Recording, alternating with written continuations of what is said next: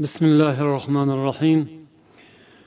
إن الحمد لله نحمده ونستعينه ونستغفره ونعوذ بالله من شرور أنفسنا ومن سيئات أعمالنا. من يهده الله فلا مضل له ومن يضلل فلا هادي له. وأشهد أن لا إله إلا الله وحده لا شريك له. وأشهد أن محمدا عبده ورسوله. أما بعد. Hurmatli birodarlar muhtarama opa singillar assalomu alaykum va rahmatullohi va barakatuh. Inoqlik totuvlik bu axloqiy fazilatlarning eng ulug'laridan. Buni qanchalik e'tiborli ahamiyatli ekanini inshaalloh mana shu suhbatimiz davomida ko'rib o'tamiz. Biz bu xislatga qanchalik muhtojmiz yoki bu qanchalik zarur? Umuman olganda hammangiz bilasiz xulq odob ichida farzlari bor vojiblari bor mustahablari bor deb aytamiz. Ayrim odamlar axloq bu faqat mustahab narsalardan iborat.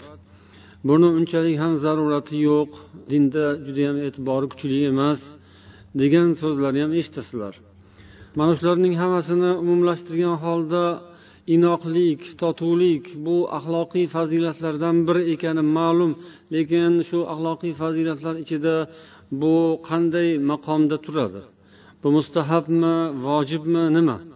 Biz mavzuga kirishdan oldin sizlarga buni bir savol qilib beraylikchi. Nima deysizlar? Bu narsa ya'ni axloq hammasi mustahab deguvchilar bor. Axloq farzi bor vojibi bor sunnati mustahabi bor deguvchilar bor. Shularni orasida mana shu al ulfa inoqlik totuvlik el bo'lish degan. Bu farzmi yo sunnatmi? Mustahabmi? Nima deb o'ylaysizlar? Vojib farz deyapsizlar hammanglar. Ho'p endi mavzuni ichiga kiraylik. Biz bu haqdagi so'zlarni agar o'zimizga qoldirsa ancha muncha gapni gapiramiz. Har bir ota ona uyda gapiradi odamlar o'zaro bir birlariga gapirishadi hamma bilganicha gapiradi. Lekin islomda bu qanday o'zi? Buni gapirganda nima deb gapirish kerak? Qanday gapirish kerak? Inoqlik deganni biza qanday tushunishimiz kerak? Bunga bir nazar solamiz. Al ulfatu lug'atan ulfat ya'ni inoqlik lug'aviy jihatdan hiyal ismu minal itilaf. Itilaf degan so'z bilan birga bu ham vakilahuma ma'khudun min maddat alif lam fa shu alif lam fe harfidan tarkib topgan kalima. Ulfat bu o'zimizni tilimizda ko'p ishlatiladi. Lekin biz qanday ma'noda ishlatamiz? Aslida kelib chiqqani nima ma'noda? Mana hozir ko'ryapmiz. Ulfat degani demak alif lam fedan iborat bo'lgan kalima. Tadullu ila shay. Bir narsani bir narsaga qo'shilishini bildiradi. Qo'shilish degani ekan ulfat degani. Endi bizda ulfat nima degani desangiz o'zinglar bilasizlar. Ulfatchilik ulfat ko'rgan ulfat ko'rmagan ulfatga qo'shilgan va hokazo. Bunda lekin ko'proq ma'nosi maishiy tomonga og'ib ketadi. Ya'ni haftada bir marta yig'ilib maishat qilib osh yeb ziyofat qilib o'tirishni ham tushunadi ba'zilar. Ulfatchilik deganda shuni tushunadi. Ziyofatchilik deganday mehmondorchilik degani. Ulfat degani bir yengilroq ma'nolar kasb etib qolgan o'zbek tilida. Yengil yelpi oshna og'aynigarchilik ammo asli buning zamirida jiddiy ma'nolar bor. O'shandan kelib chiqqan bizga endi ulfatchilik degan tarzda kirib kelgan o'zbek tiliga bu ham arab tilidan olingan va bu ham islom olib kelgan axloqiy fazilatlardan. Faqat biz odamlar uni yengillashtirib o'zimizga moslashtirib olganimiz bor. Va bu o'rinda ba'zan chegaradan chiqib ketish noto'g'ri tushunchalarga borib qolish bu ham bor. Demak biz tushunchalarimizni to'g'irlab olishimiz uchun buni aslini kelib chiqish ildizlariga ilmiy jihatdan nazar solishimiz kerak. Demak ulfat shay shay lug'aviy tomondan bir narsani bir narsaga qo'shilishi odamni odamga qo'shilishi u qaysi turdagi odam bo'lsa ham demak bu lug'aviy tomondan to'g'ri kelaveradi. Kofir kofirga qo'shiladimi yoki musulmon musulmonga qo'shiladimi? Bu ketaveradi lug'aviy jihatdan. Qo'shilish birlashish bu ijtimo deb o'tgan safargi suhbatimizda gaplashgan mavzumizga hamohang. O'sha bilan bir xil yonida keladi. Balki shu ijtimo jamoat degan mavzu o'rganilganda uning oxirida buni ham ilova qilib qo'yilgan ya'ni bunga ham qarab qo'ying bu ham mana shu mavzuga aloqador to'lg'izadi degan. Demak ijtimo jamoat bilan yaqin ma'noda bir birini to'lg'azadi. Yana lug'aviy ma'nosida davom etishadi. Ko'p narsani bir biriga qo'shishni ham ulfat deb aytiladi. Bitta narsani bitta narsaga qo'shilishi ham ko'p narsani qo'shilishi ham bir ma'noni anglatadi. Alif degan so'z shundan olingan. Alifni ko'pchiliklaringiz bilasizlar ya'ni arab tilidan xabari bor odamlar biladi. Alif nima degani? Ming ming ham lug'aviy tomondan shunga bog'lanadi. Ya'ni yuzlarning qo'shilishi bir necha yuz qo'shilsa keyin ming bo'ladi. Bir narsani bir narsaga o'rganish. Aliftu shaya bo'lsa o'rgandim degan ma'no. Ya'ni doim odat bo'lib qolgan narsani ham mana shu kalima bilan aytiladi. Odat bo'lgan narsa odamga yopishib oladi. Qo'shilib doim birga yuradi. Ajramaydi. Shu lug'aviy tomondan ulfat insonning odati uning ulfati. Doim o'zi bilan birga yotsa ham tursa ham odat tarki odat amri mahol yopishib oladi uni tark qilish qiyin. Bu ham mana shu alifa yalafu fe'lidan olingan. Yana biz mana shu axloqiy fazilatlarni yoki boshqa ma'nolarni o'rganganimizda o'zimizning tilimizga bog'lab ko'proq e'tibor beramiz. Bizni tilimizda shuni qaysi shakllarda ishlatilishiga nazar solamiz? Jumladan bu yerda ham talif qilish degan so'z bor yana. Bu bizning tilimizda ishlatiladigan arab tilidan olingan talif degan so'z.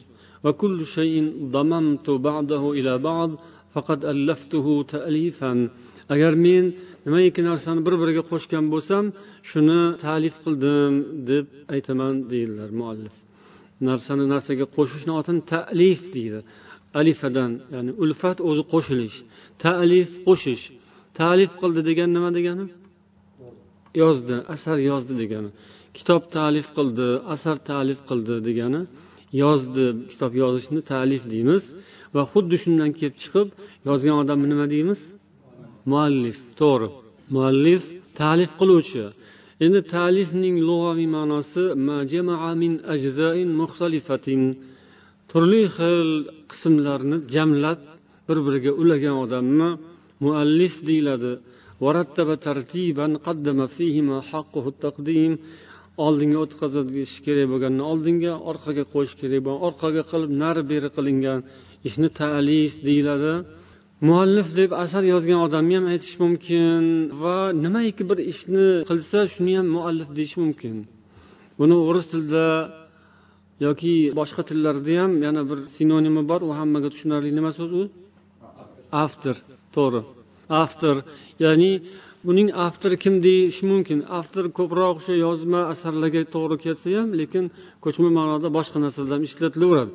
Masalan bu kompyuterni ixtirochisi deganni o'rnida avtor deyish mumkin. Avtori kim? Muallifi kim?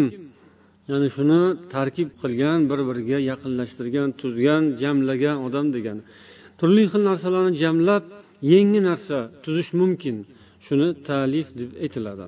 Qur'oni karimda ham bu ibora judayam ko'p kelgan. Inshaalloh buni ko'rib o'tamiz. Jumladan quraysh surasida ham alloh taolo quraysh degan oyatlarida buni zikr qilgan. Bu yerda ilaf odat ma'nosida ham kelgan va boshqa ma'nolarda ham kelgan. Ya'ni quraysh qabilasining yozda va qishda bo'ladigan safarlarga odatlanib shunga moslashib hayot turmush tarzlari ham shunga moslashib qolgani uchun biz o'sha narsani saqlash uchun fil sohiblarini halok qildik degan ma'noda keladi.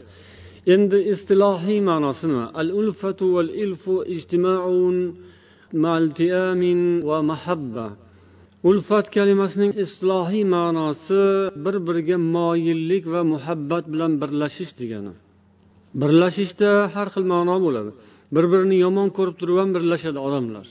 Dushmanlar ham birlashadi ba'zida. Ya'ni kattaroq dushmanga ro'baro kelib qolsa mayda chuyda dushmanlar bir birini dushmanligini yig'ishtirib qo'yib birlashadi darrov.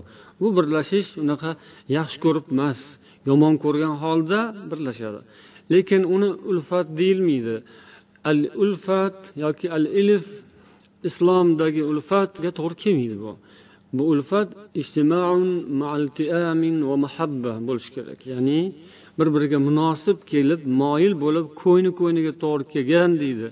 Dili diliga mos kelgan gapi bir joydan chiqqan bir yoqadan bosh chiqargan va bir biriga muhabbat bog'lagan holda birlashishni ulfat deyiladi. أما التألف فهو المداراة والإيناس لمن هو حديث عهد بكفر عند تألف ألف بين قلوبهم qur'oni karimda ko'p keladi attalluf bu murosa qilish el bo'lish bir biriga ko'nikish va bu asosan kufrdan yangi chiqqan johiliyatdan yangi uzilgan odamlar islomda mustahkam bo'lsinlar uchun dinlari kuchli bo'lib iymonlari ziyoda bo'lishi uchun va ular birga do'stga aylansinlar uchun ular taalluf bo'ladi o'rtalarida ya'ni bir birlariga yaxshi muomala qilib murosayu madora yo'lini tutishni ham taalluf deyiladi. Va bu mol dunyo berish yo'li bilan bo'ladi ko'proq. Ya'ni zakot molidan muallafat qulublarga beriladi. Qalblari islomga oshno qilinayotgan odamlarni yana ham iymonlari ziyoda bo'lishi uchun ularga mol beriladi pul dunyo beriladi. Inson muhtoj bo'lgan narsasi bo'lgani uchun shu tufayli keyin ularni iymoni mustahkamlashiga ko'p holatlarda bu amalda bo'lgan narsa وقال التهاوني الألفة هي ميلان القلب إلى المألوف hozir biz ulfat so'zining islohiy ma'nosi ustida ketyapmiz tahovuniy aytadilar ulfatni ta'rifida maylanul qalb ilal ma'luf inson odatlanib qolgan narsaga uning qalbi moyil bo'lishi dildan moyil bo'lish bu ya'ni majburan emas qalbidan ichidan o'shani yaxshi ko'rib moyil bo'lish bu ulfat bo'ladi وقال الجرجاني الألفة اتفاق الآراء في المعاونة على تدبير المعاش jurjoniyning ta'riflarida ulfat ya'ni inoqlik bu fikrlar birlashuvidir inson hayot ishlarini turmush ishlarini tirikchilik ishlarini yuritishda bir biri bilan hamkorlik qilish uchun fikrlar mutanosibligidir. Odamlar hayot yo'lida bir birlari bilan hamkorlik qilishga majbur bo'lishadi. Hammani har xil maqsadi bor lekin mushtarak tomonlarini topib bir birlari bilan ittifoq tuzishadi bir birlari bilan kelishgan holatda ish qilishadi. Shunda fikrlari bir biriga mos kelishini bu al ulfa deyiladi ya'ni inoqlik shundan keladi. Demak fikrlar mos bo'lsa qalb dilda moyillik bo'lsa keyin totuvlik bo'ladi. Keyin inoqlik bo'ladi. O'sha foyda beradi samara beradi. Agar dildan istamasa dildan xohlamasa uning birlashgani uni jam bo'lganidan kutilgan natijalar foydalar hosil bo'lmay qoladi. Endi navbatdagi mavzuyimiz yana al ulfatu va salahul inson deb aytiladi. Ya'ni inoqlik va insonning salohiyati insonning inson bo'lishi. O'rtasida qanaqa mutanosiblik bor qanday bog'liqlik bor ذكر الماوردي أن الألفة الجامعة هي إحدى القواعد المهمة التي يصلح بها حال الإنسان imom movardiy adabu dunyo va din kitoblarida yozadilarki birlashtiruvchi inoqlik ulfat bu inson holatini yaxshilaydigan insonning holini chiroyli ko'rinishga olib keladigan muhim qoidalarning biridir. Demak shu inoqlik inson holini tuzatadi. Inson haqiqiy inson bo'lish uchun unga mana shu narsa zarur. Inson tabiatida qalbida inoqlik degan xislat bo'lsa u keyin yaxshi inson bo'la oladi va komil inson bo'la oladi. Chunki inson doimo ozor yetkazishga nishondir.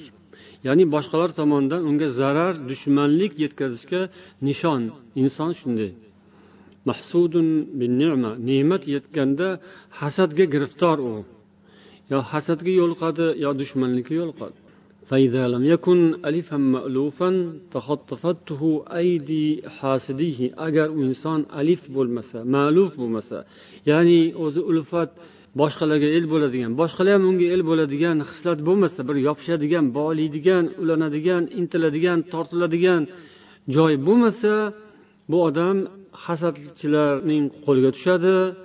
Va dushmanlarning havoyi nafsi buni qul qiladi. Ya'ni biladi dushmanligini. Uning hali havoyi nafsi ham bor. U havoyi nafs musulmonda ham bor kofirda ham bor do'stda ham bor dushmanda ham bor. Do'stniki o'zi havoyi nafsi o'zi abgor qiladi insonni. Musulmonni havoyi nafsi rasvo qiladi inson. Endi hali u yoqda dushmanniki turibdi. Dushmanning havoyi nafsiga bu asir bo'ladi. Ya'ni u agar alif bo'lmasa ma'luf bo'lmasa unda bir ulfat ya'ni inoqlikka bir qobiliyat bo'lmasa uning ne'mati salomat qolmaydi. Ya'ni qo'lida bor olloh bergan yaxshiliklar uzoqqa bormaydi. Uning vaqti zamoni ham pokiza yaxshi o'tmaydi. Ya'ni hayoti umri judayam barakali ya'ni shirinlik bilan o'tmaydi.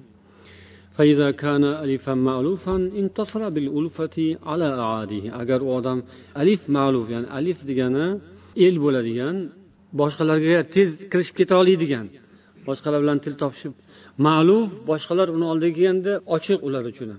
Agar inson shunday bo'lsa mana shu xislati tufayli dushmanlar ustidan intisor ya'ni g'alaba unga nasib bo'ladi. Hasadgo'ylardan omon bo'ladi. Undagi olloh bergan ne'matlar ana ularning zararlaridan dushmanliklardan omon bo'ladi va uning hayoti shirinlik bilan baraka bilan o'tadi.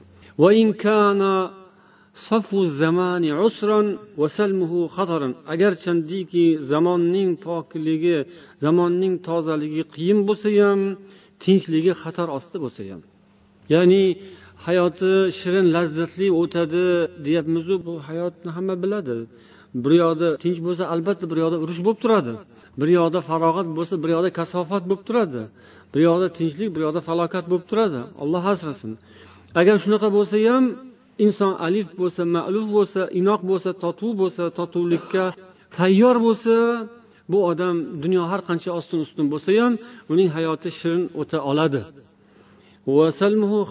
Tinchligi xatar ostida bo'lsa ham ya'ni hozir zamon tinch emas deb qo'yiladi. Joylar bor shunaqa joylar o'zbekiston masalan yoki o'sha zulm ostida yashayotgan musulmonlar qayerda bo'lsa ham har joyda har xil zamona notinch dunyo notinch hozir. Uyingda xotirjam o'tirolmaysan yotolmaysan. Shunaqangi holatlar. Shunday bo'lsa ham tinchligi xavf ostida bo'lsa ham bu odamning hayoti sofatlahu muddatuhu alloh bergan ne'mati butun va hayoti osuda bo'lolmaydi buning sharti yuqoridagi sifat. endi yana mualliflar al ulfatu val alaqatul ijtimoiya degan bobda quyidagilarni yozishadi yaqulu doktor ali halil bu olimdan iqtibos qilib keltiradilar هذه الألفة الجامعة بين الأفراد من خواص الجانب الاجتماعي في الشخصية المسلمة باعتبارها تجاذب يشد الفعل الاجتماعي المختار bu shaxslarni o'rtasini birlashtiradigan inoqlik xislati musulmon inson shaxsini takomillashib tarbiya topishida muhim ijtimoiy ahamiyatga egadir. Chunki bu insonlar uchun kerak bo'lgan tanlangan odamlar uchun foyda bo'ladigan jihatlarni bir biriga bog'laydi kuchaytiradi.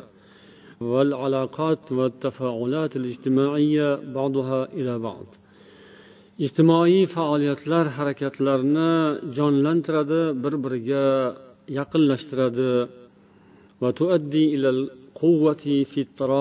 O'zaro aloqalarda kuchli bog'lanishlarni vujudga keltiradi.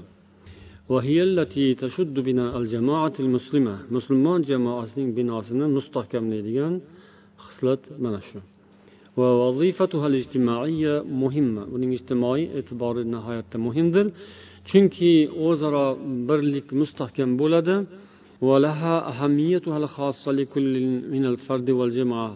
Va har bir shaxs bo'lsin yoki jamoat bo'lsin uning har birini taraqqiy topishida katta ahamiyatga ega bu o'zaro bir biriga yordam va bir birini qo'llab quvvatlov vujudga keltiradi va sog'lom bir muhitni vujudga keltiradi ana shu sog'lom ijtimoiy muhit ichida tarbiya topayotgan odamlar komil insonlar bo'lib yetishishlariga xizmat qiladi. Imom mavardiydan bu kishi ham iqtibos qiladilarki bu sochilib ketgan narsalarni jamlaydi xorlikdan omon saqlaydi. Odamlar bir joyda jamoat bo'lib yashaydilar ishlaydilar va hokazo. Hamma joydagi qonun bu. O'sha jamiyat o'sha jamoat yoki birlikdan ko'zlangan maqsadni hosil bo'lishi uchun mana shu inoqlik totuvlik zarur. Endi totuvlikka olib keladigan omillar haqida sanaladi. Asbabul ulfati va davoiha inoqlikni vujudga keltiradigan omillar beshta. Nimalar bo'lishi mumkin deb oldin bir o'ylab ko'ringlarchi sizlar? Hammamiz chunki inoqlik totuvlikni hamma biladi hamma tushunadi. Ba'zi odamlar sarlavhasiga qaraboq teskari qarab ketaveradi. Ha buni bilamizku oddiy narsa. Yosh bola ham biladiku totuvlik inoqlik yaxshi narsa ekanligini deydi ancha muncha odam. Buni ichiga kirmasdan o'tib ketilaveradi ho'p shunaqa oddiy narsa ekan hamma yaxshi bilar ekan qani bo'lmasam bir aytib ko'ringlarchi mana shu yerda o'tirganlar. Totuvlik inoqlikni keltirib chiqaradigan uni sanog'ini ham aytib qo'yyapmiz. Mana tayyor beshta narsa ekan. Ho'p iymon sabr dilni bir biriga to'g'ri kelishi jamoat salomlashish. Endi mana ulamolarning ta'riflariga nazar solaylik. Ya'ni bu nima uchun bu savolni beryapman? Har holda esinglarda qoladi xudo xohlasa shunda. Va biz buning asoslarini keyin yodlab olishimizga turtki bo'ladi. Biz yodlab bilib olsak yaxshi bo'ladi. Totuvlikka muhtojmiz bolalarimizga nasihat qilamiz inoq bo'l totuv bo'l bolalar urushib qoladi ko'pincha uyda talashib qoladi va hokazo. Nima yo'q? Totuvlik yo'q inoqlik yo'q. Inoq bo'lish kerak aka uka opa singil va hokazo. Nasihatlarimiz ko'p. lekin bu narsaga olib keladigan yo'l qayerda beshta narsa ekan وهي الدين والنسب والمصاهرة والمودة والبر bunday qarasangiz oddiy sodda narsaga o'xshaydi lekin nima uchun shuni keltirib qo'yishdi ulamolar bu zamonlarning sinovdan alg'ov dalg'ovlardan qancha to'siqlardan va hokazolardan o'tib o'tib o'tib kelgan qaymoq bu bir yog' bu mag'iz bu. Mag'iz kichkina bo'ladi. Kichkina narsada hikmat baraka bo'ladi. Qisqa qisqa ko'rib o'tamiz. Birinchisi din. Mana shu din insonlarni bir biriga yordamlashishga olib keladi. Bo'linib ajralib teskari bo'lib ketishdan qaytaradi. Bu payg'ambar sollallohu alayhi vasallamning vasiyatlarida aks etgan. Qola rasululloh sollallohu alayhi vasallam لا تقاطعوا ولا تدابروا ولا تحاسدوا bir biringlardan uzilishib ketmanglar. Bir biringizga teskari bo'lib olmanglar.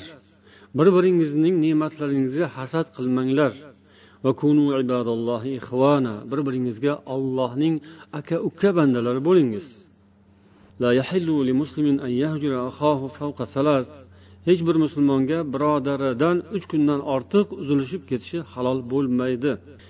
Endi mana shu narsa din birinchi nuqta bularni dindagi insonlarni dinda birlashishlari o'sha ulfatni taqozo qiladi. Yana bu yerda ogohlantirish bor. Johiliyatdan qolgan illatlardan insonlarni ogohlantirib turiladi. Chunki payg'ambarimiz sollallohu alayhi vasallam payg'ambar bo'lib kelgan paytlarida arablar rostiyam bir biriga teskari bir biriga dushman xalq edilar. Bu islom arablarga keldi arablar misolida keldi arablar orqali keldi. Arablar uchun emas. Arablar vositasi bilan keldi. Kimnidir vositasi bilan kelishi kerak ediku din. Kimdir aytsa nima uchun arablarga keladi? Bo'ldi arablarga qolaversin arablarniki bu deyishi mumkin. Lekin bu nodonlik. Ho'p kimga kelsin? Inglizga kelsinmidi? Unda arablar aytsa inglizga bo'ldi inglizlar o'zi bo'laversin desa yoqarmidi bu inglizlarga? Yoki o'rislarga? Yo o'zbeklarga? Millat olloh yaratgan kimnidir vositasi bilan keladi va o'shaning vositasida misollar ko'rsatiladi. Hammaga bittadan bittadan misol qilib chiqmaydiku bitta misol ko'rsatiladi hammaga tushadi. Bu yerda ham arablarni misol arablar vositasida keldi. Arablar qanaqa xalq edi? Arablar eng yovvoyi eng urushqoq eng johil xalq edi. Uni bir diniy kitobi ham yo'q edi. Duch kelgan narsani xudo deb sig'inib yurardi. Uch yuz oltmishta xudosi bor edi o'sha yerda. Arablar o'sha paytda rosayam bir biriga teskari xalq edilar. Payg'ambar sollallohu alayhi vasallam kelgan paytlarida hatto inna banil abil vahid kanu ahzaban. Bitta otani bolasi bir necha hizbga bo'linib ketishardi. Bitta otadan paydo bo'lgan bolalar o'zini bolasi o'zining yaqinlari bilan bitta partiya bo'lib olardi. Hozirgi tilda aytsak yoki bitta guruh bo'lib olardi.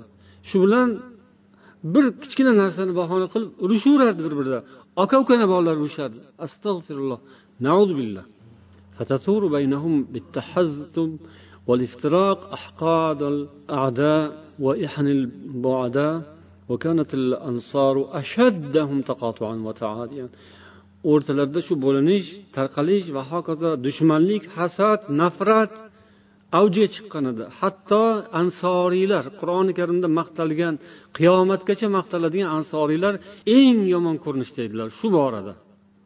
Ular o'zi ikkita otadan tarqalishgan avs degan va hazraj degan ikkita aka ukani bolasi bo'lishgan bular ansorlar va bular bir yuz yigirma yildan beri urushib kelishardi bir biri bilan ikkita aka ukaning bolasi. Nimadan chiqqan noma'lum. Bu yerda uni ahamiyati qolmaydi. Uni o'ldirdi buni o'ldirdi. Biz ham o'ldiramiz. Nima uchun o'ldirdi? Sabab qolib ketaveradi. Mevasi natijasi oqibatiga odamni yopishib oladi. Shunday qilib olloh qur'oni karimda maqtagan zotlar aslida avvalda qanaqa edilar? Bir birlariga shunaqa bir dushman qirpichoq edilar. Ular kim edilar? Ular biri mashriqdan biri mag'ribdan biri yapon biri ingliz biri arab unaqa emas. Bitta millat bitta qabila bitta urug' edilar. Bitta ota edi boshida. Uzoq emas edi. Bitta otani ikkita o'g'lidan tarqagan bolalar bir biri bilan urushib bir yuz yigirma yil bo'lgan edi. Ularni urushlari davom etardi. To'xtovsiz. Yana bitta shaharda yashashadi bular musulmon bo'lib keyin o'sha urushlar barham topdi. Keyin ular bir biriga do'st bo'lishdi. Keyin birodar aka uka bo'lishdi. Keyin olamlar robbisi ollohning maqtoviga sazovor bo'lishdi. Keyin rasululloh sollallohu alayhi vasallam agar butun dunyo xalqi bu tomonga yurib ansor mana shu daraga kirsam man ansoriylar bilan birga ketardim deydigan maqomga musharraf bo'lishdi. Bu nimadan keldi? Bu dindan keldi. Din islom shunday qila oladi boshqa narsa emas. Islom tufayli islom sharofati bilan shunday bo'ldilar va alloh qur'oni karimda ko'p oyatlar nozil qildi dedi allohning ne'mati sharofati bilan aka ukalar bo'ldingiz dedi avvalda esa bir birlariga dushmanliklarini jaholat halokat yoqasiga kelib qolganlarini olloh zikr qilgan إن الذين آمنوا وعملوا الصالحات سيجعل لهم الرحمن ودا albatta iymon keltirgan va solih amallar qilgan zotlarga rahmon o'zining huzuridan muhabbat do'stlik ato qiladi hadya qiladi. Rahmon sifatli zotning hadyasi bo'ladi. Iymon keltirib solih amallar qilishsa. Endi mana shu nuqtada yozishadiki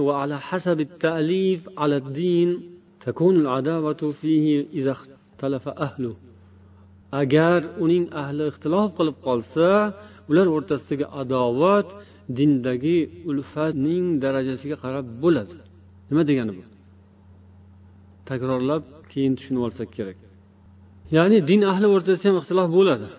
Agar ixtilof bo'lib qolsa din ahli o'rtasida musulmonlar o'rtasida ixtilof bo'ladigan bo'lsa bu yerdagi adovatning darajasi qanday bo'ladi? Adovatning darajasi ulardagi ulfatning darajasiga qarab bo'ladi. Inoqlikning darajasi qanday edi? Din tufayli bo'ladi inoqlik totuvlik. O'shaning darajasi qanday bo'lgan edi? Ular qanchalik mablag'ga ega bo'lishgan ularni dinga kirib to'plagan mablag'lari kapitallari erishgan narsalarining miqdori o'zi qancha edi? Bir narsaga tayyorgarlik bo'ladiyu bir narsani ehtiyotkor uchun tayyorgarlik bo'ladi. Bo'lib qolgan mahalda keyin voy buni qilmaganmiding voy ani olib kelmabmiding voy shunaqa bo'lishini bilardingku. Degan narsalar bo'lib qoladiyu shunga o'xshab ixtilof bo'lib qolsa musulmonlar o'rtasida ixtilof chiqib qolsa u yerda adovat bo'ladi. Yerda nafrat bo'ladi. U yerda billah har narsa bo'lishi mumkin. Astag'firulloh billah musulmonlar o'rtasida urush musulmonlar o'rtasida billah qatl musulmonlar o'rtasida har xil yomon jinoyatlar billah alloh asrasin. Bo'lishi ehtimoli yo'q emas. Ixtilof bo'lib qolsa agar kelishmovchilik bo'lib qolsa u yerdagi nafrat adovat qay darajada bo'ladi desangiz mana shu javob. Ular dinga kirib topgan mablag'lari qay darajada o'zi? Nimani topib olishuvdi ular? Nimalarga ega bo'lib olishgan edi? Agar ular dinga kirib inoqlik ulfat o'zaro muhabbat do'stlik degan bir xislatlarga ixtilof chiqmasdan avvalroqdan ega bo'lib olishgan bo'lsa adovat nafrat zarar unaqa katta bo'lmaydi. Ikkinchi nuqta. Bu birinchi nuqta demak din. Dinning ahamiyati e'tibori muhim. Buni to'g'ri anglab olishimiz kerak. Ikkinchisi an nasab inoqlik omillarning ikkinchisi nasab.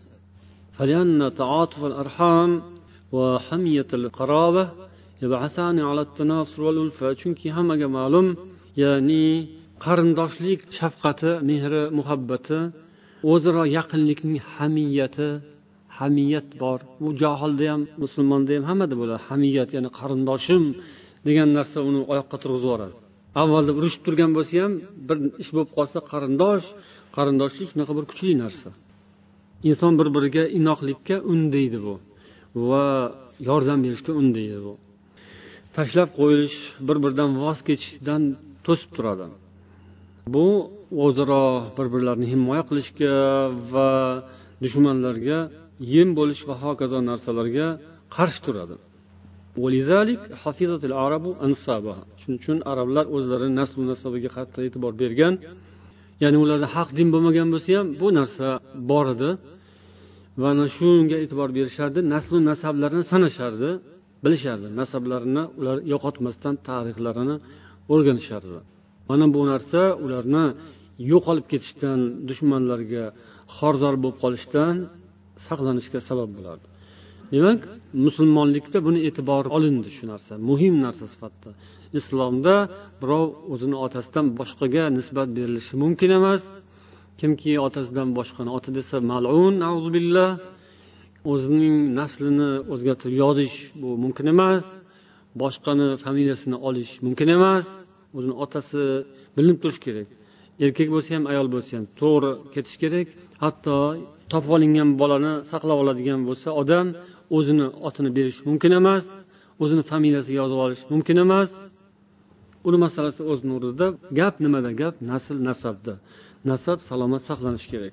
Va bu nasl nasab insonlarni ulfat inoq bo'lishiga xizmat qiladigan ikkinchi omil. Uchinchisi al musohara o'zaro qudaandashilik o'zaro qarindosh bo'lish. Inoqlik sabablarining uchinchisi. Bu yangidan ya'ni yangi bir bog'lanish aloqa paydo qiladi bu. Avvalda bo'lmagan aloqalar bo'ladi kuchayadi. Yangi qarindoshlar paydo bo'ladi. Sodran an rag'batin bu o'zi rag'bat ixtiyor bilan xohlab istak bilan shu narsani inson o'ziga tanlab olishi bilan vujudga keladi. bu yerda ham inoqlik sabablari zohir bo'ladi mana shunda odam o'zi tanlab ixtiyor qilib kimnidir tanlaydi o'zini shunga ularni o'ziga munosib deb biladi va shu bilan aloqa bog'lanadi bu yerda o'zaro yordam birlashish vujudga keladi من أنفسكم أزواجا لتسكنوا إليها وجعل بينكم مودة ورحمة degan Alloh allohning oyatlaridan biri u sizlarga o'z jinslaringizdan juftlar ato qilganidir. Toki shunga moyil bo'lib bir biringiz bilan orom olib tinchlanib hayot kechirishingiz uchun va alloh o'rtangizda do'stlik shafqat paydo qildi. Ya'ni ikki begona tomon o'rtasida muhabbat shafqat mehribonlik paydo bo'lishi allohning mo'jizalaridan biri. Va bu ya'ni nikohlanish o'zaro er xotin masalan qiz yigit nikohlanishi ularni o'rtasida do'stlik muhabbat paydo bo'lishi va ularni orqasida turgan ota onalar o'rtasida paydo bo'lishi bu mana shu ulfat ya'ni inoqlikning omillaridan eng muhimlaridan ولم تزل العرب تجتذب البعداء وتتألف الأعداء بالمصاهرة arablar o'sha zamonda uzoqdagi o'zaro begonalarni bir biriga yaqinlashtirish uchun dushmanlarni hatto do'stga aylantirish uchun quda andachilik vosita omillaridan foydalanar edilar. Quda bo'lishib hatto dushmanlar bir biriga do'st bo'lib ketardi. Bu ko'p joyda uchraydigan narsa ya'ni yaxshi omil bu juda foydali va barakali omil. Bu insonlarni bir biriga yana ham yaqinlashtiradi do'stlarni do'stligini mustahkamlaydi va hatto dushmanlar bo'lsa ularni ham do'stga aylantirishi mumkin bo'lgan narsa. Endi to'rtinchisi al muohatu bil mavadda do'stlik birodarlik ya'ni do'st bo'lib bir birini yaxshi ko'rib birodar bo'lish. Inoqlik totuvlikning to'rtinchi omili. Mana shu bilan inson ixlos bilan halollik bilan rostgo'ylik bilan sadoqat bilan bir biriga aloqa bog'laydi. Bu inson qalbining pokligidan kelib chiqadi. Insonni dili toza muxlis ixlosli insonlarda bu paydo bo'ladi. Mana shuning uchun rasululloh sollallohu alayhi vasallam madinaga kelganlarida sahobalar o'rtalarida birodarlik joriy qildilar. Sahobalarni bir biriga do'st va birodarga aylantirdilar. Shunday qilib ularni o'rtalari yana ham mustahkamlandi. Sodiq do'st al ah birodar aka uka إنما سمي الصديق صديقا لصدقه صديق arab tilida sodiq bu sidqun kalimasidan olingan nima uchun sodiq deb aytildi desa sidqi uchun sidq nima degani rostgo'ylik sidiq rostgo'ylik bu haqida suhbatlashganmiz do'st nima uchun do'st desa rostgo'yligi uchun sodiq bo'lgan sodiq sidqdan olingan u rostgo'y do'stlar bir biriga ochiq bo'ladi rostgo'y bo'ladi hech qanday aldam qaldam bo'lmaydi to'g'risi bo'ladi hamma o'rinda bu do'stlik bu inoqlikni mustahkamlaydigan xislatlardan biri. Endi beshinchisi albir yaxshilik. Yaxshilik qilish.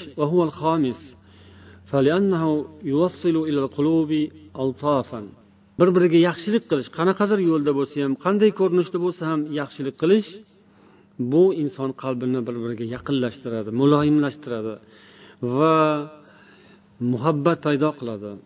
Bir biriga shafqat mehribonlik vujudga keltiradi.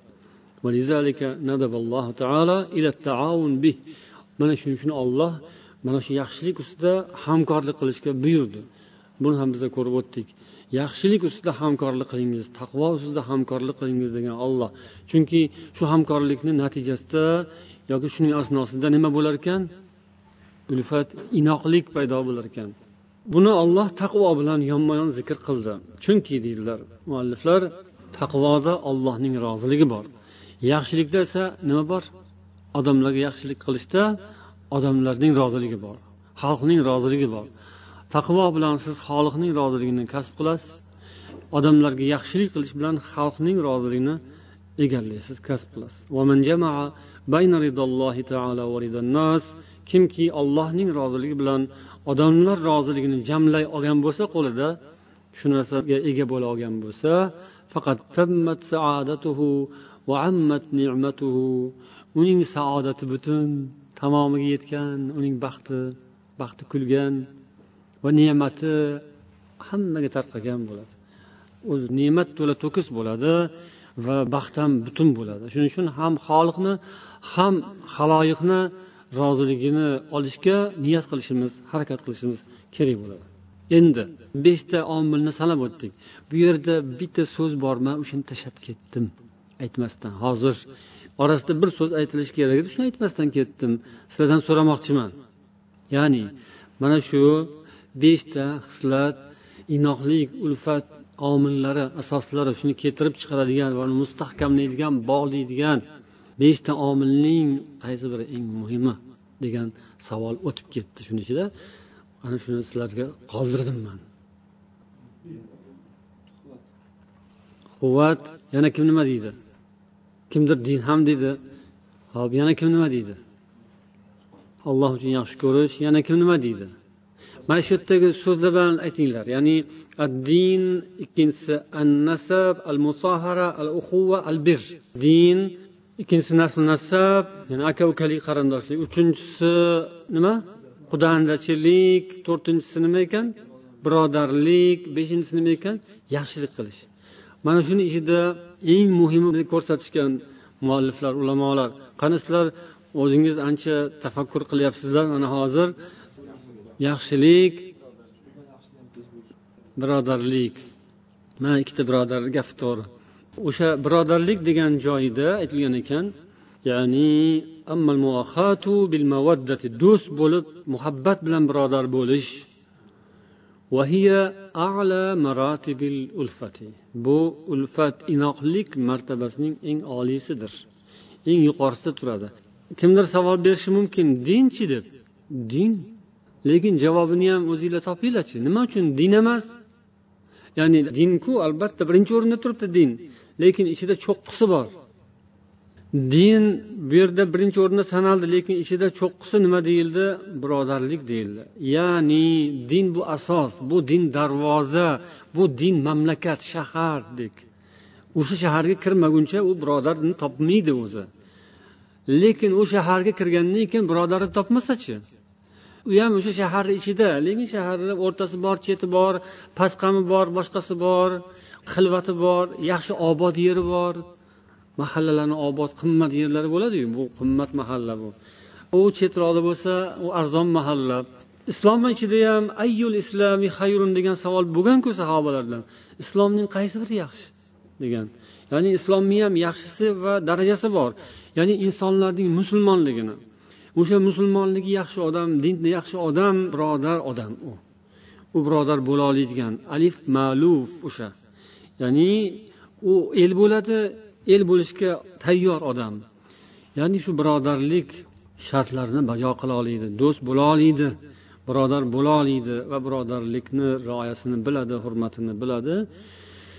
Bu eng ulug' ekan. Shuning uchun qarindosh bo'lsin va hokazo birodar bo'lsin ekan. Eng muhimi. Birodar bo'lmasa dinda yuraveradi. Dindan chiqib ketmaydi. U shahardan chiqarib yuborolmaydi uni. Shaharda har xil odam bor. Gado ham bor shoh ham bor yaxshi ham bor yomon ham bor masalan shaharda. Yomonni ham darajasi borda lekin hamma yomonni shahardan haydab chiqarib yuborolmaydi. O'sha me'yorda chizig'ini buyog'ida tursa ya'ni musulmon bo'lsa kofir bo'lmasa mushrik bo'lmasa va hokazo ba'zi narsalar bo'lmasa u musulmon qoladi ya'ni dinda qoladi. Lekin dinda qolishning o'zi musulmon bo'lishning o'zi ulfatga ya'ni inoqlikka kifoya qilmaydi faqat yetarli bo'lmaydi. O'sha rivojlanish kerak. Bu boshlanishi dinga kirgandan keyin o'sha inoqlik boshlanadi. Va uning komil nuqtasi qayerda bo'ladi? Birodarlikda bo'ladi. Din bo'lmasa har qanaqa yaqin do'st do'st emas uni birodar deb bo'lmaydi. Avvalgi shart din islom musulmon bo'lib olish kerak. Keyin uning ichidagi shartlari mustahkamlanadi kuchayadi. Endi islom dinining xalqlarni birlashtirishdagi ta'siri haqida yozishadi. Atarul islom baynal umam. Lekin biz mana din bilan birodarlikni alohida ajratganga o'xshab qolishimiz kerak emas. Biz birodarlik deyayotganda albatta dinga qovushgan dinga yo'g'rilgan birodarlik bo'ladi. O'shaning uchun biz buni islom deb taqdim qilamiz odamlarga. Ya'ni insonlarni birodarga aylantirgan kim bu? Nima? Islom. Shuning uchun umumiy tarzda odamlarga olamga taqdim qilganimizda biz buni birodarlik deb taqdim qilmaymiz hech qachon. Ya'ni hoy odamlar birodar bo'linglar deb da'vat qilinmaydiku ey odamlar aslimu deyiladi. Musulmon bo'linglar deyiladi. Chunki shu musulmonlikni ichida bo'ladi bu fazilatlar. Demak xalqlarni birlashtirishdagi ta'sir nimaning ta'siri deb taqdim qilamiz? Gapirganda islom din allohning dini sifatida taqdim qilinadi shu birodarlik ham aka ukalik ham boshqasi ham ibn ashur yozadilar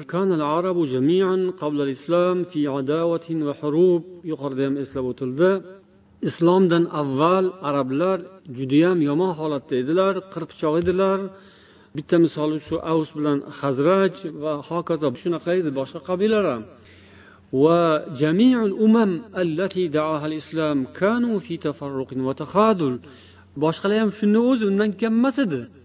Boshqa millatlar do'st yor birodarmidi? Hamma qavm shunaqa edi islom kelganda. Buni bitta isboti ham bor hozir. Ya'ni islom kelgan mahalda arablarni holatini aytyapmiz lekin forslarni holati qanday edi o'sha paytda? Rumliklarni holati qanday edi? Dunyodagi boshqa millatlarning ahvoli qanaqa edi? Mana shu o'rinda. Ular bir biri bilan inoqmidi? Do'stmidi inoqmidi? Ya'ni islom ulug'layotgan bizga tanishtirayotgan ulfat inoqlik totuvlik boshqa xalqlarda arablarnikidan ustunmidi yo pastroqmidi? Qani? Nima deysizlar? Bir xil edi. Yaxshi. Buning isboti nima? Haq din yo'q edi. Ularni ham o'zini dini bor edi. Lekin isboti shunda ko'rinadiki islom ularni kelib birlashtirdi. Arablarni islom birlashtirdi. Yovvoyi ko'chmanchi sahroyi badaviy va hokazo va hokazo. O'zini bolasini o'zi ko'madigan astag'firulloh o'zini qizini o'zi o'ldiradigan ko'madigan. Shunaqa xalq. Yana qancha qancha ularni yomon sifatlari bor edi. Aka ukani bolasi bir biriga dushman lekin shunday xalqni islom kelib do'st yor birodarga aylantirib birlashtirib qo'ydi. Inoq qilib qo'ydi ittifoq qilib qo'ydi. Va mana shunday din atrofga tarala boshladi yoyila boshladi. Boshqa xalqlar ham shunaqa edi. Agar boshqa xalqlar ham shunaqa yo bundan battar bo'lmaganda kecha unaqa bo'lgan arablar bugun qanday qilib do'st yor birodarga aylanib forsu rimliklarni yoki atrofdagilarni musulmon qildi? Agar ular ittifoq inoq bo'lganda agar ular arablarda bo'lmagan xislatlarga ega bo'lganda ular taslim bo'lmasdi? Ularga islom tarqalmasdi. Dunyoga islom taralmasdi. Mana bu muhim nuqta. Ya'ni dunyo aholisi o'sha paytda kim bo'lsa forslar bo'lsin rumliklar bo'lsin u yerda ham inoqlik ittifoqlik o'zaro birodarlik unaqa e'tiborli darajada bo'lmagan hech qaysi xalqlarda islom qur'on allohning so'zi rasululloh sollallohu alayhi vasallamning da'vatlari insonlarni ittifoqu inoqu do'st yoru birodarga haqiqiy sadoqatli aka ukalarga aylantirib qo'ydi.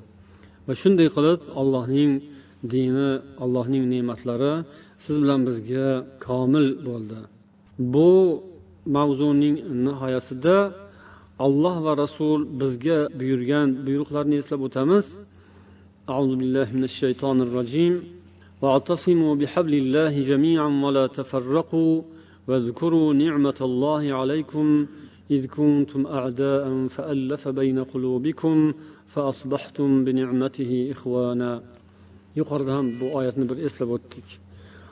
Allohning arqoniga hammangiz mahkam yopishingiz tarqalib ketmangiz allohning sizlarga bergan ne'matlarini yod etingiz sizlar bir biringizga dushman edingiz olloh qalblaringizni oshno qildi. Allohning ne'mati tufayli birodar aka uka bo'ldingiz jahannam yoqasiga kelib qolgan edingiz olloh undan sizlarni qutqardi. Mana shunday olloh sizlarga o'zining oyatlarini bayon qilib beradi shoyatki hidoyat topsalaringiz. Yana bir oyatda olloh ularning qalblarini birlashtirdi. Agar yer yuzidagi narsalarning hammasini sarf qilganingizda ham ularning qalblarini oshno qila olmas edingiz. Innahu azizun hakim. Lekin olloh ularning o'rtalarini birlashtirdi. U azizdir hakimdir. Mana shu oyatda uchta kalima uch marta allafa kalimasi allafa ma allafa allafa tarzida kelgan. Ya'ni qalblarni birlashtiruvchi bu olloh bo'ladi. Odamlarning ta'limoti odamlarning xatti harakatlari mehnatlari emas. Ollohning agar hidoyati iymoni ollohning haq dini bo'lmasa odamlarning qalbi birlashmaydi. Mana shu dinga kirgan odamlar esa qalblari bir biriga bog'lanadi. Payg'ambar sollallohu alayhi vasallam aytadilar al mu'minu ma'lafatun va la khayra fi man la ya'laf va la yu'laf. Mo'min odam el bo'ladigan odamdir inoq bo'la oladigan odamdir. Inoq bo'lolmaydigan el bo'lmaydigan odamda yaxshilik yo'q dedilar rasululloh sollallohu alayhi vasallam barchamizni allohning o'zi va uning rasuli o'zaro inoqlikka buyurayotgan ekan. Endi buning hukmi nima? Boshida aytdikku buning hukmi nima ekanligini mana suhbatimiz asnosida ko'rib o'tarmiz. Buning hukmi farz. O'zi xulq axloq masalalardan bo'lsa ham lekin inoqlik bu farz. Hammaga kerak bu. Kattaga ham kichkinaga ham oilaga ham jamiyatga ham mahallaga ham shaharu mamlakatu. Agar yaxshilik istasa tinchlik istasa dunyoga ham olamga hammaga. alloh barchamizni o'zi hidoyatida mustahkam qilsin. Iymon islom ne'matini alloh butun qilib bersin hammamizga. Qalbimizni alloh poklab bir birimizga do'st oshno inoq totuv bo'lishimizni allohdan so'rab qolamiz. Subhanakallohumma va bihamdik. Ashhadu an la ilaha illa va atubu ilayk. Assalomu alaykum va rahmatullohi va barakatuh.